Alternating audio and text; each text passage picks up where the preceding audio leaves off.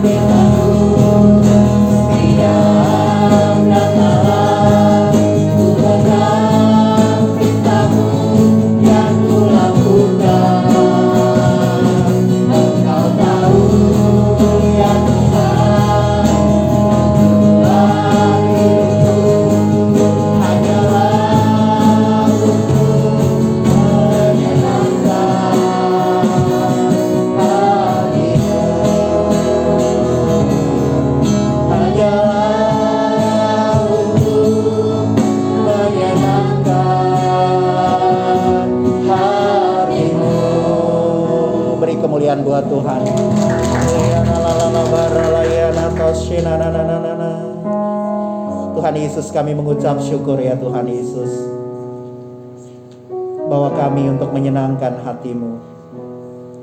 kami tidak sekedar ada tapi bahwa kami untuk benar-benar menyenangkan hati Tuhan mari Tuhan Yesus berbicara kepada anak-anakmu seperti Bapa berbicara kepada anak-anaknya ajar setiap kami untuk kami diperlengkapi di dalam Engkau.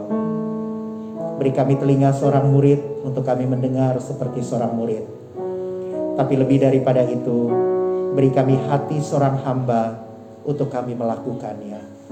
Biar kami tidak hanya mendengar lalu kemudian melupakan, tetapi kami mendengar, kami simpan di dalam hati kami, dan kami lakukan di dalam kehidupan kami. Supaya firman Tuhan itu berbuah nyata di dalam kehidupan kami. Berbicara karena kami siap untuk mendengarnya. Di dalam nama Tuhan Yesus, kami berdoa, kami bersyukur kepada Bapa di surga. Haleluya. Amin.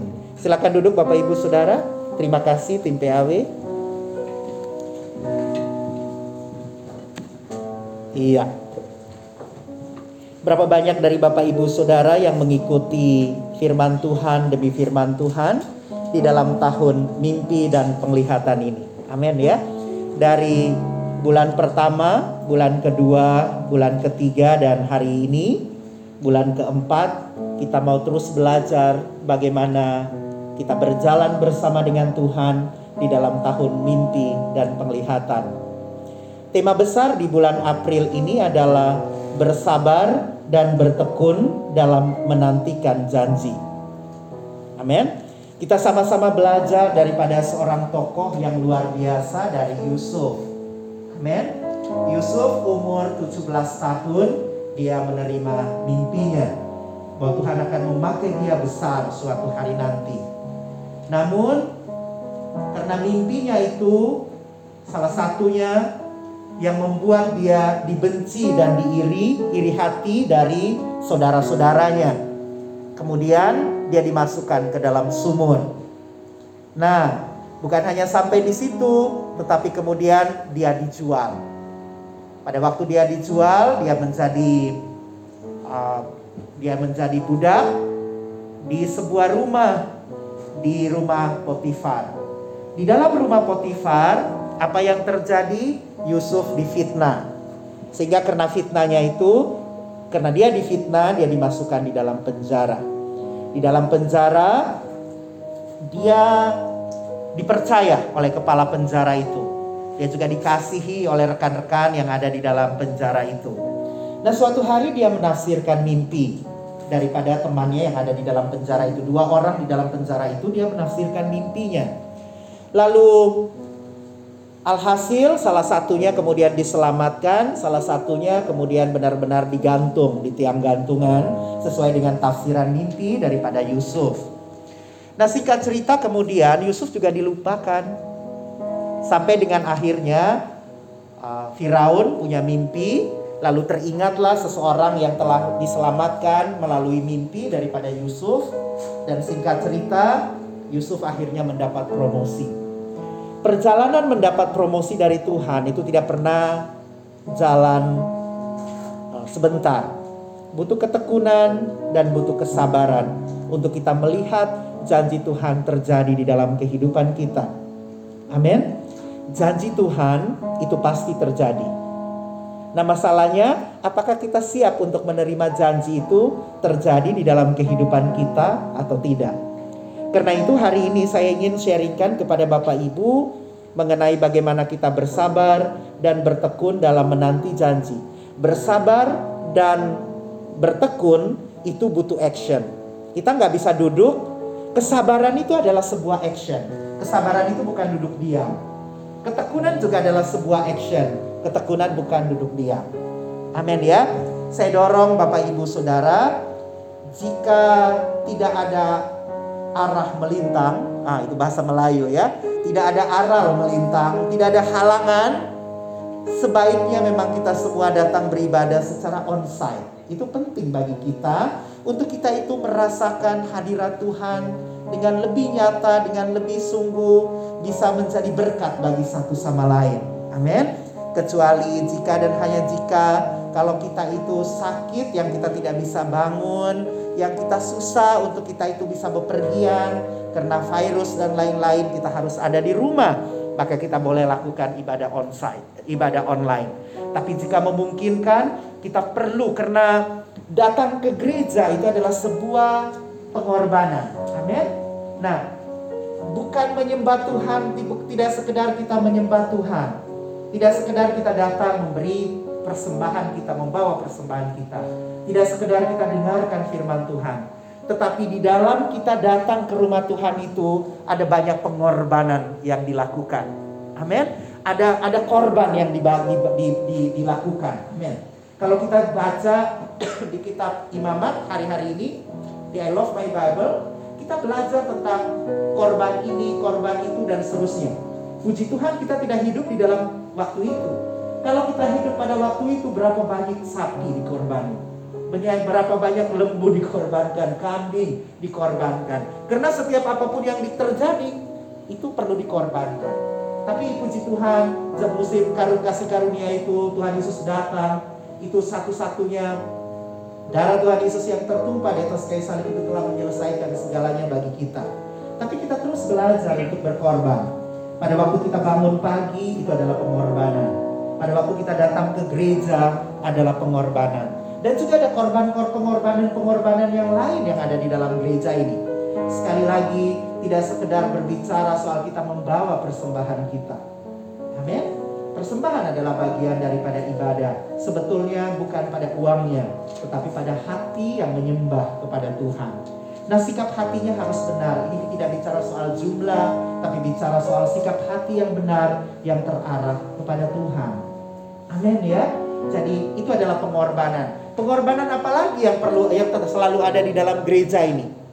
Pengorban perasaan sometimes kita akan punya perasaan-perasaan yang tidak enak di antara kita satu sama lain adalah sebuah pengorbanan.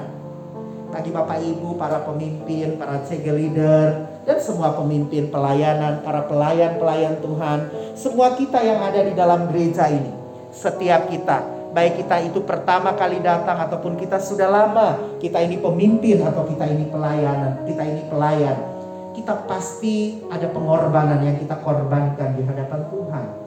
Amin ya. Korban perasaan, korban disalah mengerti, korban uh, apa tidak dipedulikan dan banyak korban-korban yang lain. Apakah kita kemudian tetap bersabar dan bertahan atau kita akan give up dari area pelayanan dan area gereja? Amin.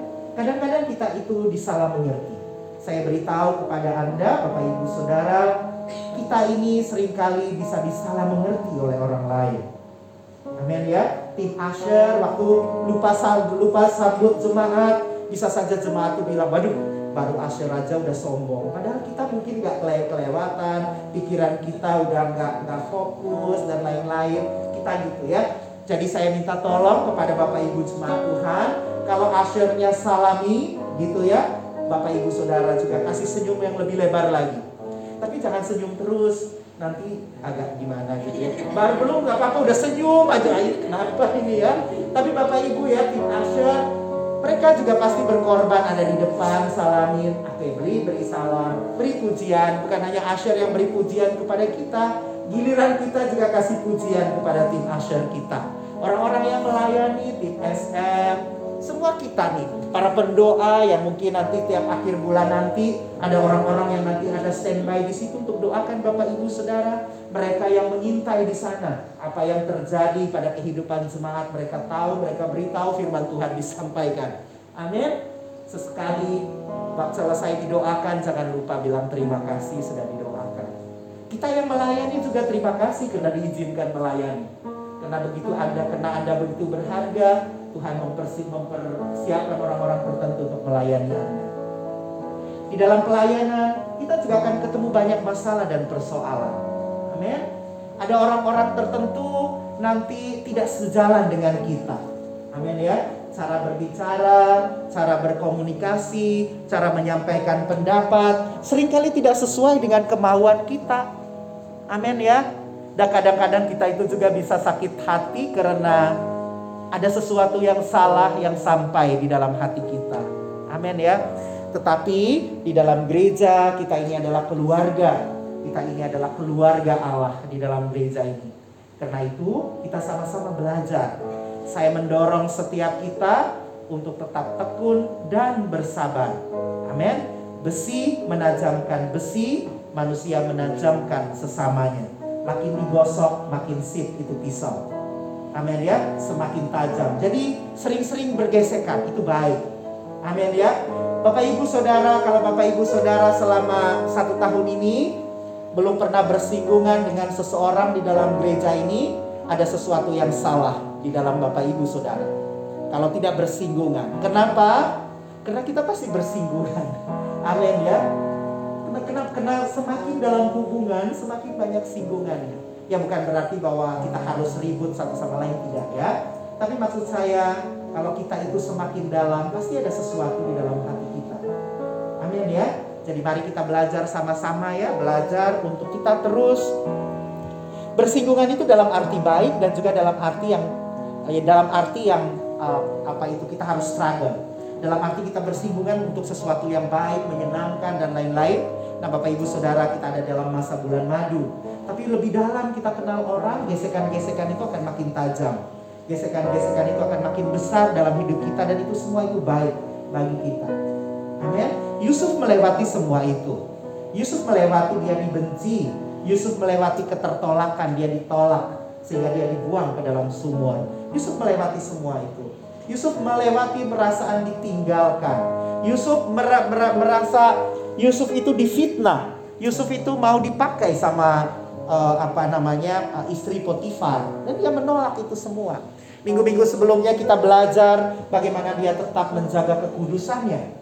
Nah hari ini kita belajar tentang bagaimana dia bersabar melewati semua itu. Dan pas saya yakin bahwa bersabar dan bertekun itu berhubungan dengan sebuah action yang dikerjakan. Hari ini kita mau belajar sama-sama action yang yang dikerjakan oleh Yusuf dan akan menjadi berkat bagi kita semua. Amin. Bapak Ibu Saudara, kita rindu jemaat gereja kita ini adalah orang-orang yang excellent di marketplace. Sebagaimana Yusuf excellent di tempat di mana dia ada. Ketika dia di rumah Potifar, dia adalah orang yang excellent. Dia mengerjakan, dia dipercaya di rumah Potifar. Amin. Tidak ada yang tidak dipercaya oleh Potifar kecuali istri Potifar saja. Semua bisa disentuh kecuali istri Potifar. Artinya Yusuf telah mengerjakan sesuatu yang benar-benar excellent, benar-benar baik. Amin. Di dalam penjara, Yusuf dipercaya sama semua orang yang ada di dalam penjara itu. Kepala penjara percaya sama dia. Di dalam istana, dia dipercaya. Kenapa kok dia punya itu semua? Karena karena dia punya sesuatu yang hari-hari yang dunia menerjemahkan sebagai kompetensi. Amin. Kalau Anda mau berhasil di dunia di dunia, dunia di marketplace Anda, Anda harus punya kompetensi. Amin. Dan gereja harus punya kompetensi. Jemaat harus punya kompetensi. Karena kalau kita tidak punya kompetensi, kita dibuang dan diinjak oleh orang. Amin. Amin. Kita tidak mau menjadi jemaat yang dibuang dan diinjak oleh orang. Karena panggilan kita adalah menjadi garam dan terang.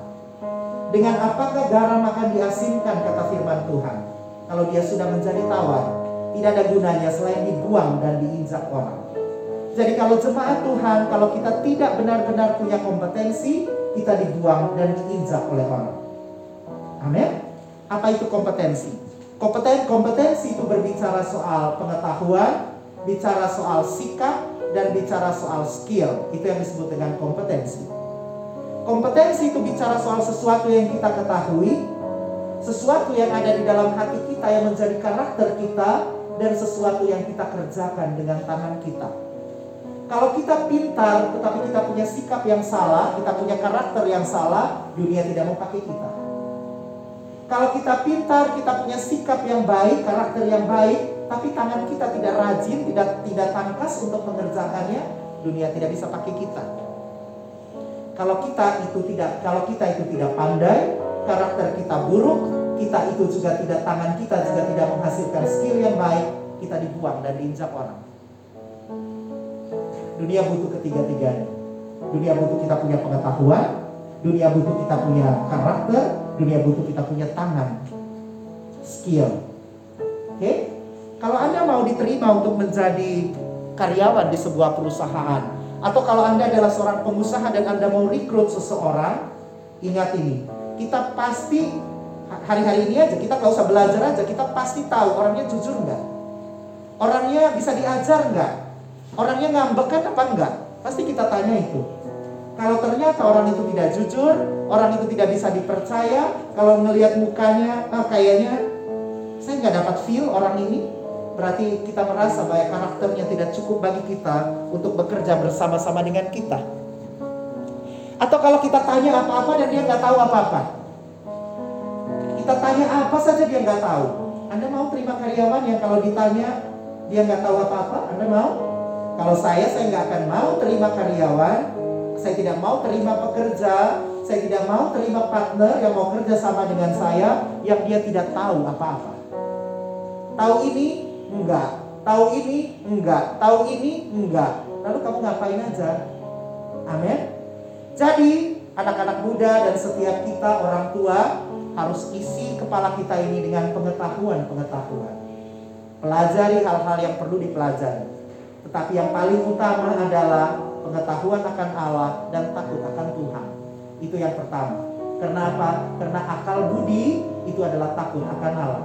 Hikmat Hikmat itu ialah takut akan Tuhan. Akal budi ialah menjauhi kejahatan, kata firman Tuhan. Maka isi itu lebih dulu. Isi itu dengan takut akan Tuhan. Karena kalau kita isi dengan takut akan Tuhan, pengetahuan-pengetahuan yang lain akan datang. Karena itu, baca koran lebih banyak. Baca media lebih banyak. Media-media yang baik. Amin.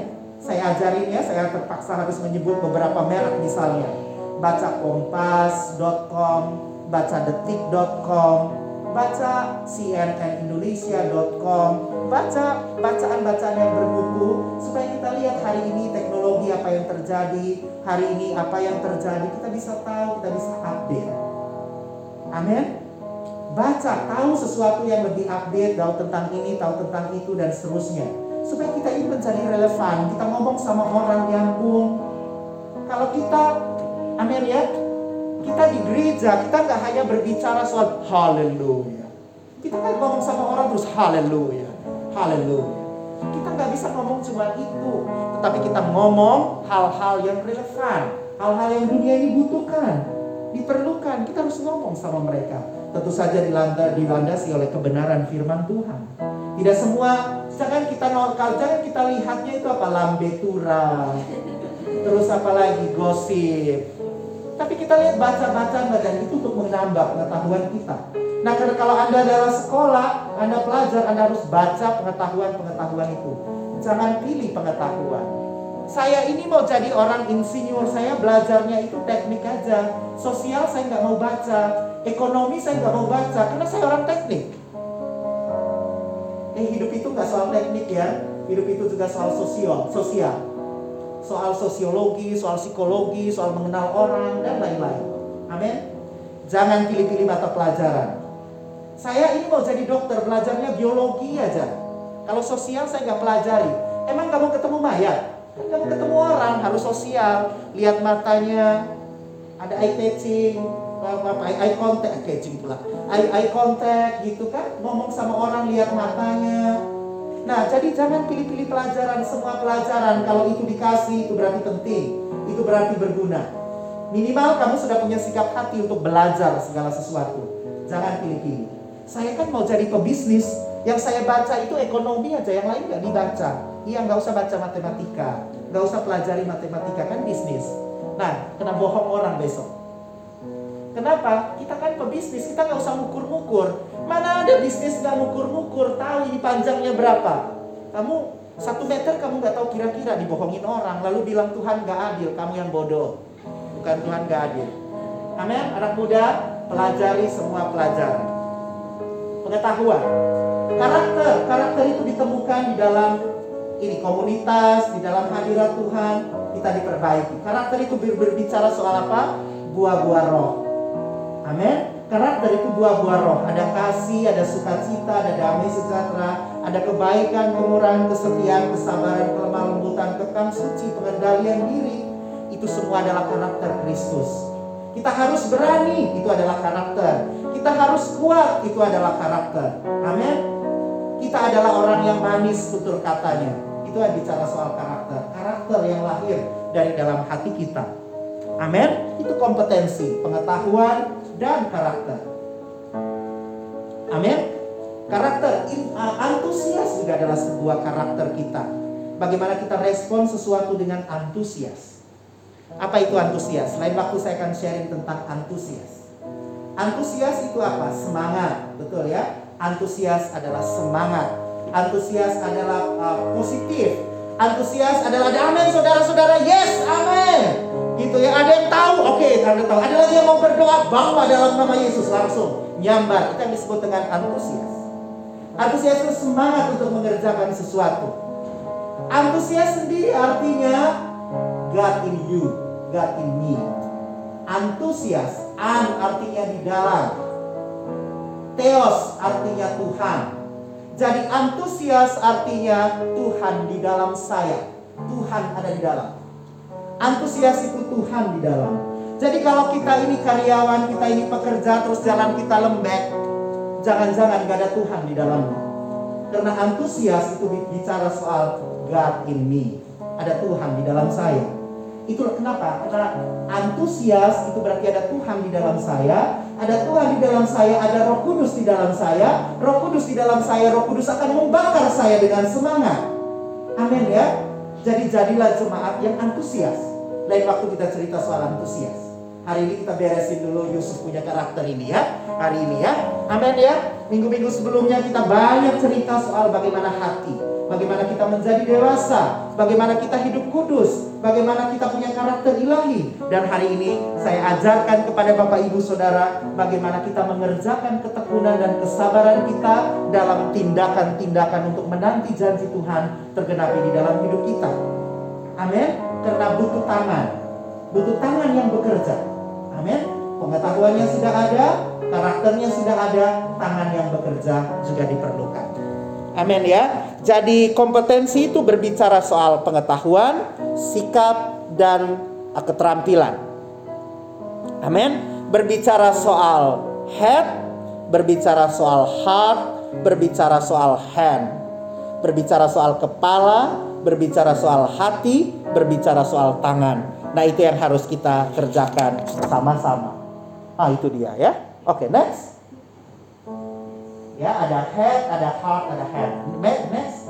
Ya, mari kita lihat sama-sama di Amsal 30 ayat 24 sampai dengan 28. Namun sebelum itu ya, sebelum itu saya beritahu apa itu sabar. Sabar itu adalah tahan menghadapi cobaan. Tidak lekas marah, tidak lekas putus asa, tidak lekas patah hati. Sabar itu adalah tabah, tenang, tidak tergesa-gesa, tidak terburu nafsu. Jadi kalau kita mau mimpi tergenapi di dalam hidup kita, kita harus punya kesabaran ini. Kita harus menjadi orang yang tahan terhadap cobaan. Kita harus menjadi orang yang tidak lekas marah, tidak lekas putus asa, harus punya ketabahan hati, harus tenang dan tidak tergesa-gesa. Itu kita harus punya. Amin. Lalu apa itu tekun? Tekun artinya rajin, bersungguh-sungguh. Itu artinya tekun. Amin ya.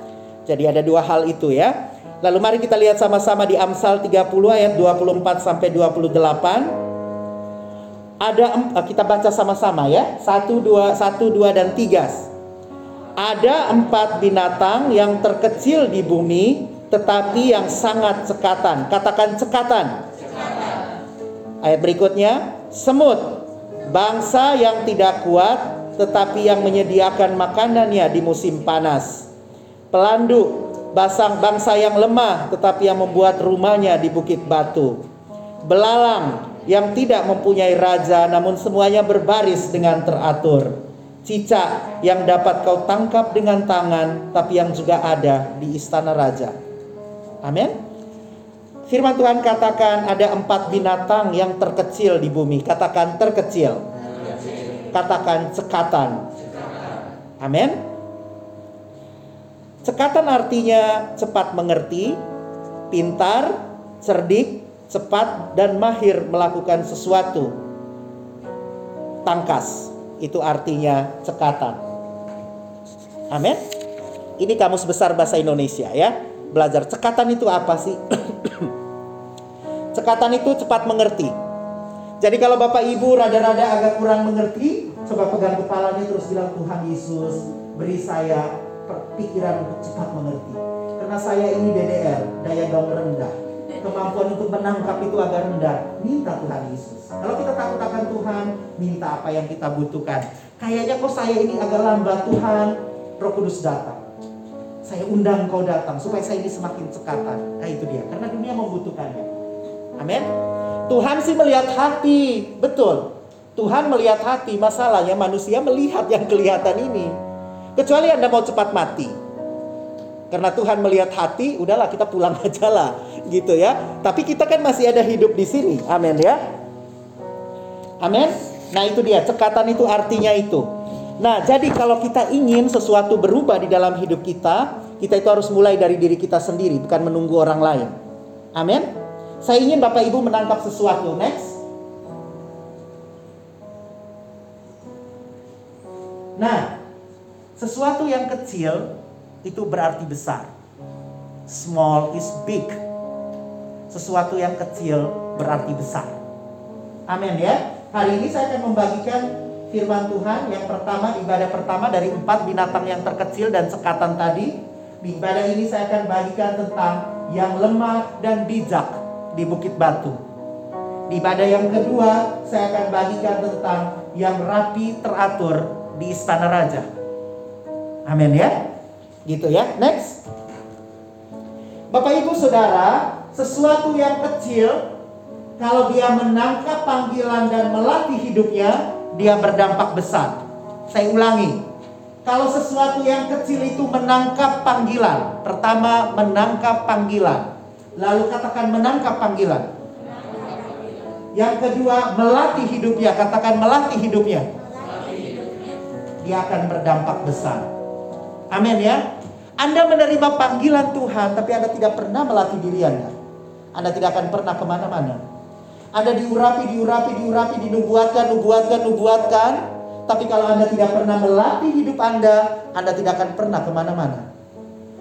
Karena Anda butuh menangkap panggilan, melatih hidup, baru sesuatu yang besar terjadi. Berapa banyak di antara Anda yang telah, telah menerima nubuatan-nubuatan terjadi di dalam hidup Anda? Berapa banyak orang yang mendoakan Anda jadilah besar, jadilah hebat, jadilah luar biasa. Terus Anda katakan, yes amen, yes amen, yes amen. Lalu Anda pulang ke rumah dan Anda tidur seharian. Besoknya Anda tidur lagi. Besoknya lagi Anda tidur lagi. Dan Anda berharap sesuatu yang besar terjadi dalam hidup Anda. Anda mimpi terlalu dalam. Anda perlu melakukan ini, melatih hidup Anda. Amin. Anda harus latih hidup Anda. Sekali lagi, walaupun kita ini kecil, kita ini tidak dianggap, tapi kalau kita menangkap panggilan Tuhan, kita melatih diri kita, maka sesuatu yang besar terjadi di dalam kehidupan kita. Amin ya. Bapak Ibu masih bersama saya? Amin ya. Nah, perubahan hidup itu dimulai dengan aku percaya, aku pasti bisa di dalam Tuhan. Amin ya. Aku percaya, aku pasti bisa di dalam Tuhan. Itulah kenapa kalau kita ini bekerja ya, atasan kalau ngomong sama bawahan, ah bisa minta tolong kerjakan ini, ini. Aduh, gimana ya? Mulainya dari mana ya Pak? Oh itu sepatu bisa angkat. Ya, betul ya Bapak Ibu Saudara yang punya usaha ya. Kalau ada anak buah yang terlalu banyak ngomong, itu pengen rasanya sepatu itu naik ke atas lalu tempelan dia. Amin ya. Karena itu jadilah orang, anak muda, pekerja, profesional, jadilah orang yang gak usah banyak tanya. Lakukan, kerjakan. Nah ini nggak bisa, kata nggak bisa itu telah mematikan kreativitasmu. Kita harus katakan yes saya coba, lalu pelajari. Karena begitu kita bilang yes saya coba, itu yang membuat kita berlatih. Cari referensi gimana supaya saya bisa, supaya saya mampu, supaya saya bisa kerjakan. Nah karena itu saya melarang setiap anak muda di sini untuk menolak, untuk mengatakan tidak bisa, tidak tahu, tidak mampu. Amin. Apakah ini seperti membohongi diri sendiri? Enggak. Amin. Pada waktu kita bilang oke okay, saya coba, itu membuat kita mengembangkan kreativitas di dalam pikiran kita. Oke okay, saya coba ya. Bisa. Pasti bisa. Seperti itu. Amin ya. Mari kita lihat dari binatang ini ya. Semut. Semut firman Tuhan katakan, semut bangsa yang tidak kuat tetapi menyediakan makanannya di musim panas. Amin. Anda pernah lihat semut? Ya, semut itu tidak kuat tetapi menyediakan makanannya di musim panas. Mari lihat sama-sama di Amsal 6 ayat yang ke-6. Amsal 6 ayat yang ke-6. Firman Tuhan katakan, saya bacakan ya. Hai pemalas, hai apa? Hai pemalas, pergilah kepada semut, perhatikanlah lakunya dan jadilah bijak. Firman Tuhan katakan, hai pemalas, pergilah kepada semut, perhatikan lakunya dan jadilah bijak. Biarpun tidak ada pemimpinnya, pengaturnya, atau penguasanya, ia menyediakan rotinya di musim panas dan mengumpulkan makanannya pada waktu panen. Hai pemalas, berapa lama lagi engkau berbaring? Bilakah engkau bangun dari tidurmu? Ayat 10. Tidur sebentar lagi, mengantuk sebentar lagi, melipat tangan sebentar lagi untuk tinggal berbaring. Maka datanglah kemiskinan kepadamu seperti seorang penyerbu dan kekurangan seperti orang yang bersenjata. Amin. Bapak Ibu belajar sesuatu? Hai pemalas, pergilah kepada semut, perhatikan lakunya dan jadilah bijak. Kalau mengantuk sebentar lagi, tidur sebentar lagi, melipat tangan sebentar lagi, tinggal berbaring maka ayat 11 katakan, maka datanglah kemiskinan kepadamu seperti seorang penyerbu dan kekurangan seperti orang yang bersenjata. Amin ya. Saya beritahu Bapak Ibu apa saja rahasia semut. Catat ya. Rahasia semut yang pertama adalah rajin. Lawan kata dari rajin adalah malas. Nah, semut tidak membuang waktu dengan percuma. Kita belajar untuk tidak membuang waktu dengan percuma. Setiap kita punya waktu yang sama 24 jam dalam satu hari. Amin ya. Kita semua sama 24 jam dalam satu hari. Dan waktu itu tidak sama dengan uang. Bukan time is money. Waktu itu bukan uang. Amin. Uang hilang bisa dicari. Waktu hilang siapa yang dapat cari? Amin. Uang hilang kita bisa cari, tapi waktu hilang, tidak ada yang dapat cari. Kita tidak bisa ngulang lagi. Umur terus bertambah, segala sesuatu bertambah. 24 jam itu sudah hilang. Amin. Kalau kita mengantuk sebentar lagi, tidur sebentar lagi, melipat tangan sebentar lagi, lalu apa yang kita dapat dari semua itu? Amin. Karena itu kita belajar dari semut, rajin. Kita tidak perlu membuang-buang waktu dengan percuma. Amin. Nah, malas atau tidak itu bisa dilihat dari pembawaan bahasa tubuh. Bapak Ibu kalau pengusaha pebisnis, orang-orang yang cari punya karyawan ya, Anda lihat orang, Anda tahu bahwa dia itu malas atau tidak. Amin. Dari lihat matanya aja Anda bisa tahu dia itu malas apa enggak. Amin ya. Lihat orang di toko, orang di kantor gitu ya. Saya suka ada di lantai 4 gitu ya, lantai 3 naik lagi satu gitu ya. Duduk di, di, di, di kantor saya terus saya lihatin perhatikan orang-orang tuh. Cara jalan, cara senam, cara dancer, cara menari, saya tahu orang tuh malas apa enggak. Amin. Cara jalannya aja. Nanti ada yang jalannya lambat. Ah ini mau mati nih. Ini mau mati nih, entah mati cepat. Karena itu saya ajarkan untuk kerjakan apa-apa itu cepat. Cepat, bukan gopo ya. Bukan kerja terus nggak tahu. Ada kadang ada orang yang sibuk tapi nggak tahu ngapa-ngapain. Ada orang, oh iya ya, iya iya iya, terus nggak ngerjain apa-apa gitu ya. Ada orang banyak begitu sibuk gitu ya, nggak ada apa-apa. Termasuk kita kita yang melayani, kita juga sibuk gitu ya. CG semua CG kita ada. CG Family ada, CG Pro M ada, CG Kids ada, CG Youth ada, semua CG kita hadir. Connecting time semua hadir, pelayanan semua hadir. Gak ada apa-apanya kelihat hidupnya. Gak ada, gak ada peningkatan, gak ada perubahan, gak ada apa-apa. Ini sibuk ngapain aja ya sebetulnya ya. Ada orang ya, fellowship, fellowship, fellowship, fellowship. Gak ada satu jiwa pun ya. Ini yang di fellowshipin itu apa ya sebetulnya ya. Nah ada orang yang sibuk tapi gak ada hasil. Amin ya. Nah belajar dari semut itu rajin. Jadi perhatikan ya, perhatikan cara kita jalan. Bahasa tubuh kita itu kita perlu perhatikan. Cara kita jalan, cara kita melangkah, cara kita ini tuh perhatikan. Amin. Orang malas tuh ada karakternya. Karakter dalam cara dia berjalan dan seterusnya. Anda pernah ke uh, ke, ke luar negeri gitu ya? Anda pernah ke Hong Kong? Orang-orang di Hong Kong tuh jalan aja kayak gimana? Orang di Jakarta juga jalan cepat gitu ya. Kantor nabrak sana nabrak sini. Saya waktu pertama kali ke Jakarta ke kantor kami ya saya heran ya lihat orang-orang ya. Saya gini aja lihat. Saking sibuk orang-orang itu. Ada pergi ke Jawa Tengah ya santai gitu ya. Tunggu santai mereka. Makanya UMP-nya juga segitu. Amin amin UMP-nya juga segitu bayarannya sesuai dengan kinerja bukan jadi makin santai ya segitulah dapat bayaran amin ya bekerja dengan cekatan, dengan rajin, dengan giat. Amin. Amin. Dan semut itu selalu mencari peluang. Kalau kita cuma duduk menunggu, berkat tidak akan datang. Anda harus bergerak dan menyongsong berkat. Amin. Jadi yang pertama itu adalah rajin. Yang kedua adalah teamwork. Semut berhasil mengangkat beban yang lebih besar dari dirinya karena dia bekerja sama dalam tim. Dia cepat berjalan, lalu kemudian dia juga bertahan lama, mengerjakan segala sesuatu di dalam teamwork. Amin ya. Saya mau beritahu kepada Anda Bapak Ibu Saudara, kalau Anda mau bekerja dengan cepat, bekerjalah sendiri. Kalau Anda mau bekerja dengan lebih lama, lebih sustain, lebih jangka panjang, bekerjalah bersama dengan orang lain. Nah, semut bekerja bersama dengan yang lain. Teamwork. Kita nggak bisa maju sendiri, kita butuh orang lain. Amin ya Bapak Ibu ya. Nah, perlu perlu itu kita lakukan. Nah, prinsip di dalam membangun teamwork adalah satu, berani melihat orang lain dipakai besar. Amin. Kita harus berani melihat orang lain akan dipakai lebih besar daripada kita. Nah, kita harus punya jiwa besar untuk melihat orang lain akan dipakai lebih besar. Amin. Kita nggak takut. Kita, kita urapan itu diberikan kepada banyak orang. Jadi jangan jaga, jangan pegang untuk diri sendiri ya. Nggak mau doakan orang, nanti takut orang lain dipakai lebih besar daripada kita. Kita nggak boleh begitu. Amin. Harus begitu lihat ada orang di depan kita, kita doakan dia dipakai jauh lebih besar daripada kita, jauh lebih hebat daripada kita.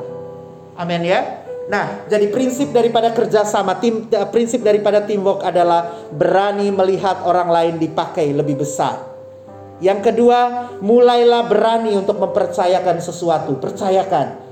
Percayakan ngerjakan ini, percayakan ngerjakan itu, percayakan. Tapi kalau Anda yang menerima kepercayaan, jaga kepercayaan. Jangan sampai Anda menerima kepercayaan tapi Anda hilang. Pada waktu Anda dibutuhkan nggak tahu ini yang ini ke mana ya itu ke mana ya enggak. Kepercayaan itu diberikan. Kalau ada orang yang sudah berani memberikan kepercayaan, Anda juga harus berani menerima kepercayaan itu dan mengerjakannya. Amin.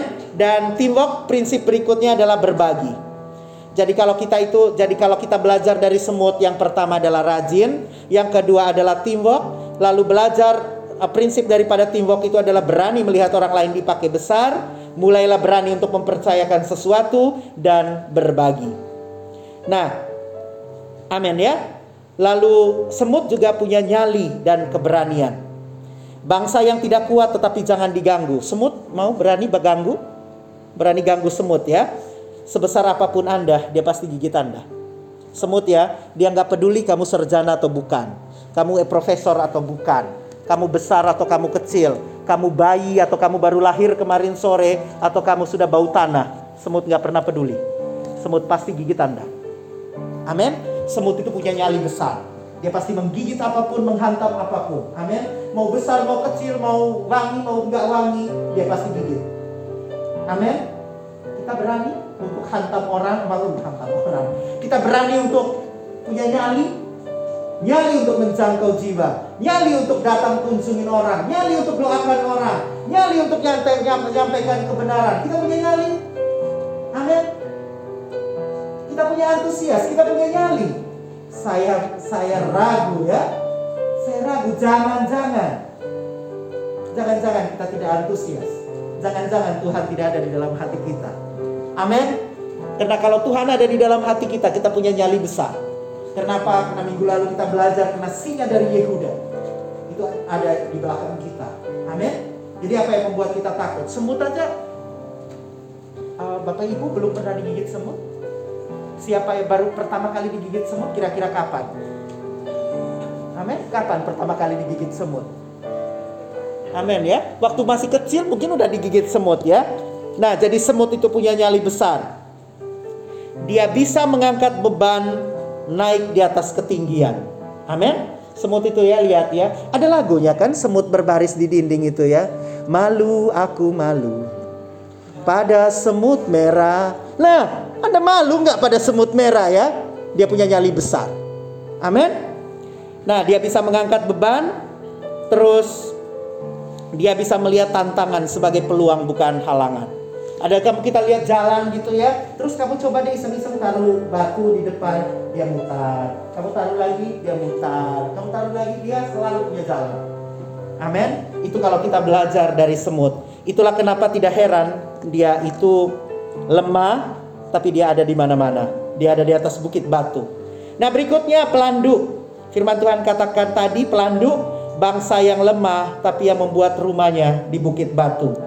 Saya beritahu cara rahasia daripada pelanduk. Rahasia dari pelanduk yang pertama adalah cara pandang. Pelanduk itu punya cara pandang. Walaupun dia lemah, dia buat rumahnya di atas bukit batu. Nah, saya beritahu kepada Anda bahwa hati-hati dengan label dunia. Sesuatu yang lemah, label dunia itu bilang sesuatu yang lemah tidak akan menjadi besar. Sesuatu yang lemah tidak akan menjadi besar. Saya beritahu kepada Anda, jangan izinkan dunia memberi label kepada Anda. Lihatlah hidup Anda dengan cara pandang Allah. Amin. Jangan beri label kepada hidup kita sendiri. Nah, cara pandang dalam melihat kehidupan akan mempengaruhi kehidupan kita. Cara kita ini loh melihat hidup kita itu mempengaruhi kehidupan kita. Karena itu banyak baca Alkitab supaya kita bisa tahu apa yang Tuhan katakan tentang kita dan bukan yang orang lain katakan tentang kita. Orang lain akan terus berkoar-koar, orang lain akan terus komentar, tetapi hanya Anda dan Tuhan yang berjalan di dalam kehidupan Anda. Orang lain hanya berkomentar. Anda yang mempertanggungjawabkan hidup Anda di hadapan Tuhan. Jadi hati-hati dengan cara pandang kita. Kalau Tuhan bilang Tuhan mau pakai Anda besar, kalau Tuhan bilang, aku telah mengenal engkau sejak dari kandungan ibumu. Dan aku mengangkat engkau menjadi nabi bagi bangsa-bangsa.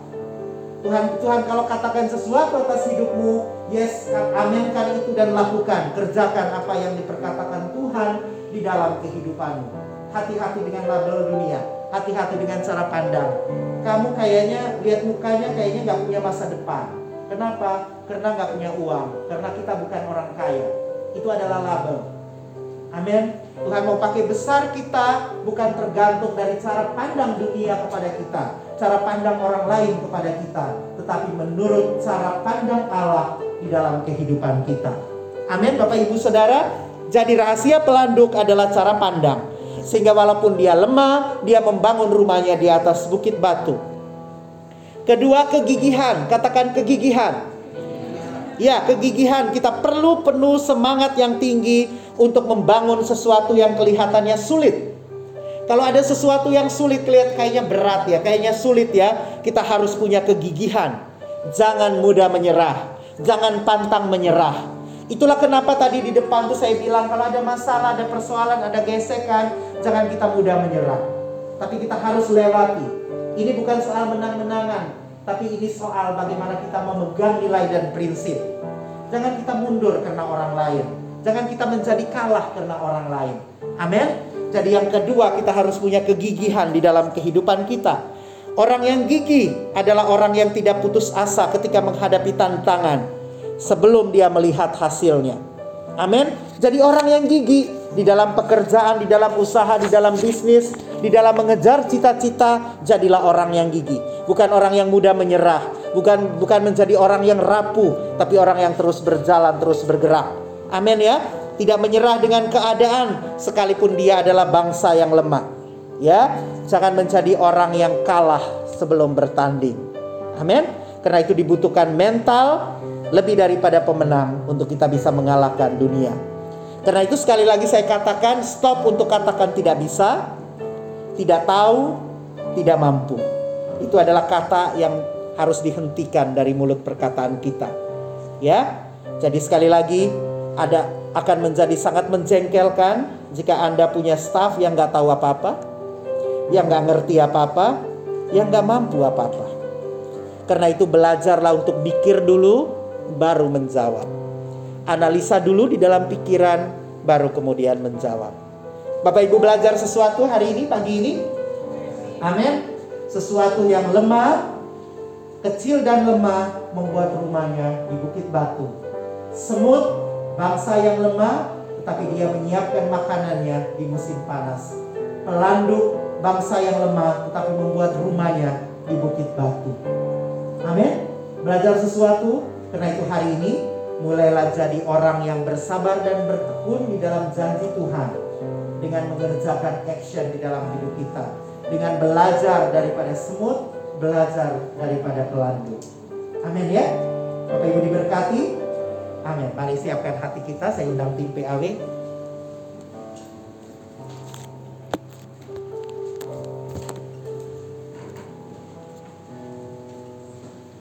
Kita berdoa Tuhan Yesus, kami mengucap syukur Tuhan untuk firman Tuhan ini. Ajar kepada setiap kami jemaatmu, ajar kami untuk kami menjadi orang-orang yang bertekun dan bersabar di dalam menantikan janji Tuhan di dalam hidup kami. Kami tidak hanya bersabar duduk diam, tetapi kami mengambil action, mengerjakan sesuatu di dalam kehidupan kami. Kami berdoa Bapa di dalam nama Tuhan Yesus untuk kami belajar. Belajar walaupun kami ini kecil dan lemah, tetapi kami belajar untuk membangun sesuatu yang besar di atas bukit batu. Ajar kami seperti semut, walaupun kecil tetapi menyediakan makanannya.